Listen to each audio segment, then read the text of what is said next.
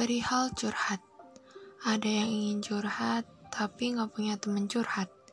Dia pengen seenggaknya ada satu orang aja yang bisa dengerin keluh kesah dia di hari ini. Ya, tapi gimana lagi? Nggak ada yang bisa buat dia nyaman. Belum ada orang yang bisa buat dia percaya. Kadang saat ada orang yang mau dengerin pun dia ragu hmm, dia bakal paham gak ya sama apa yang aku ceritain. Rasanya pengen gitu. Orang lain tuh juga paham dan tahu rasa sakit kita gimana. Hmm, tapi itu hal bodoh gak sih? Karena pada dasarnya yang tahu pasti rasa sakitnya itu cuma diri kamu. Orang lain gak ada yang peduli dan paham. Kecuali emang dia pernah ngerasain di posisi kamu, atau emang dia benar-benar teman? Yap, teman. Namun, di situasi pandemi ini gak jarang banget hubungan pertemanan yang renggang karena miskomunikasi dan sibuk dengan kesibukannya masing-masing. Mungkin ini juga salah satu faktor kamu gak bisa curhat ke dia kayak dulu lagi, ngerasa sungkan dan takut jadi pengganggu.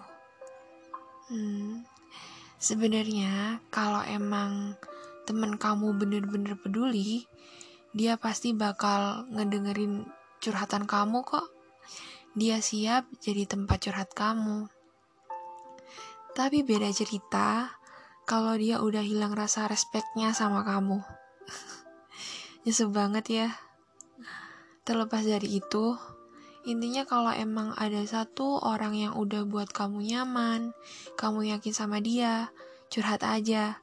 Curhat ke orang-orang yang tepat. Yang mau mendengarkan bukan malah menghakimi.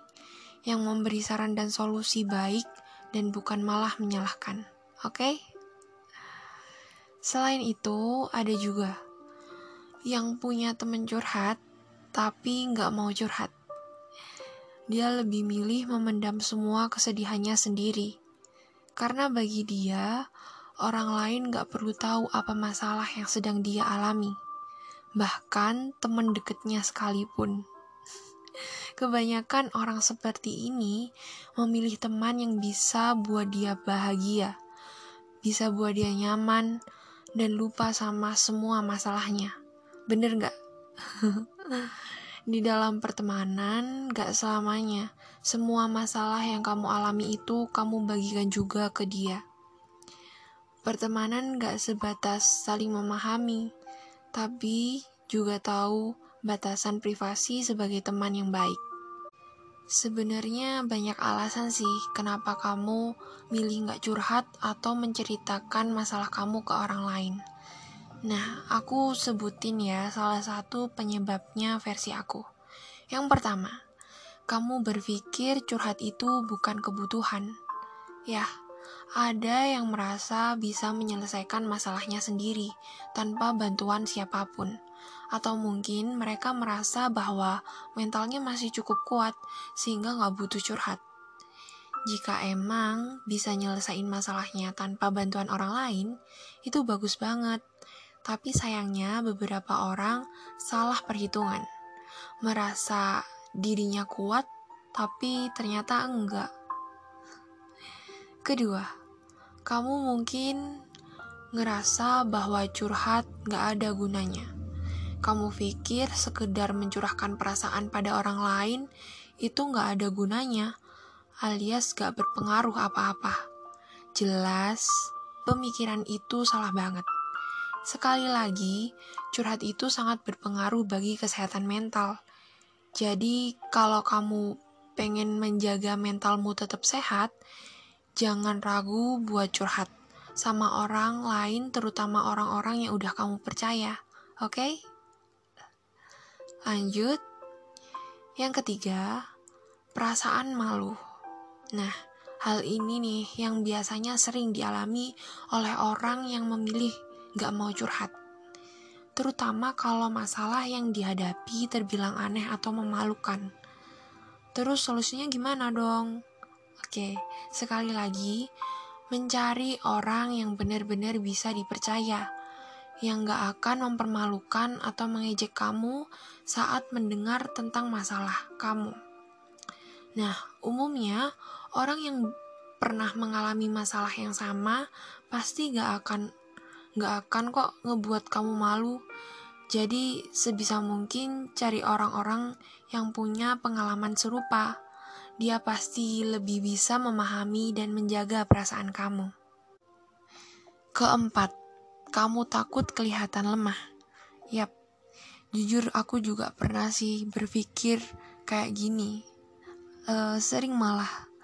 Tapi itu pemikiran yang salah.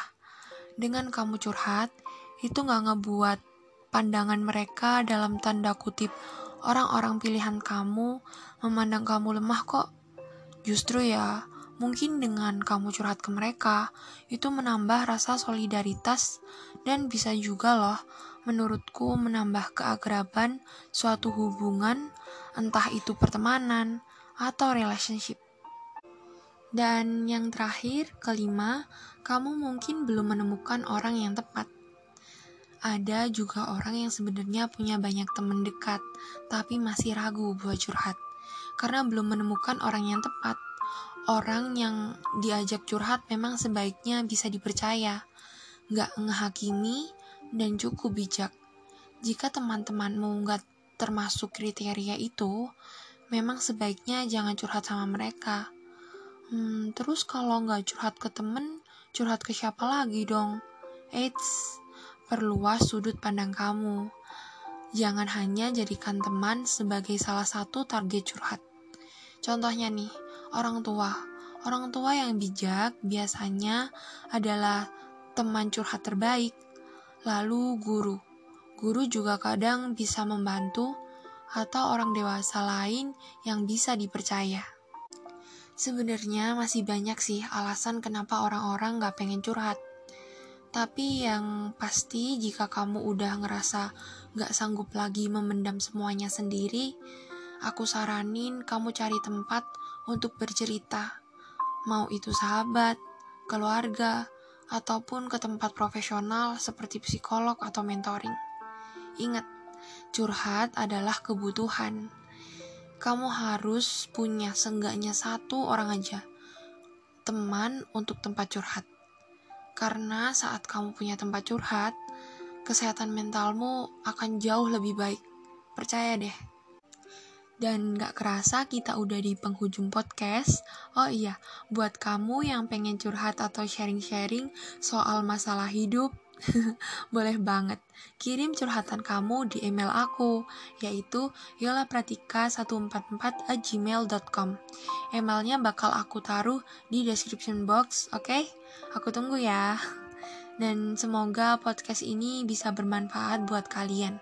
Makasih buat kamu yang udah dengerin podcast You and Me episode kedua ini. Kamu dan aku yang mengartikan kita dapat menjadi satu melalui podcast. Bye bye.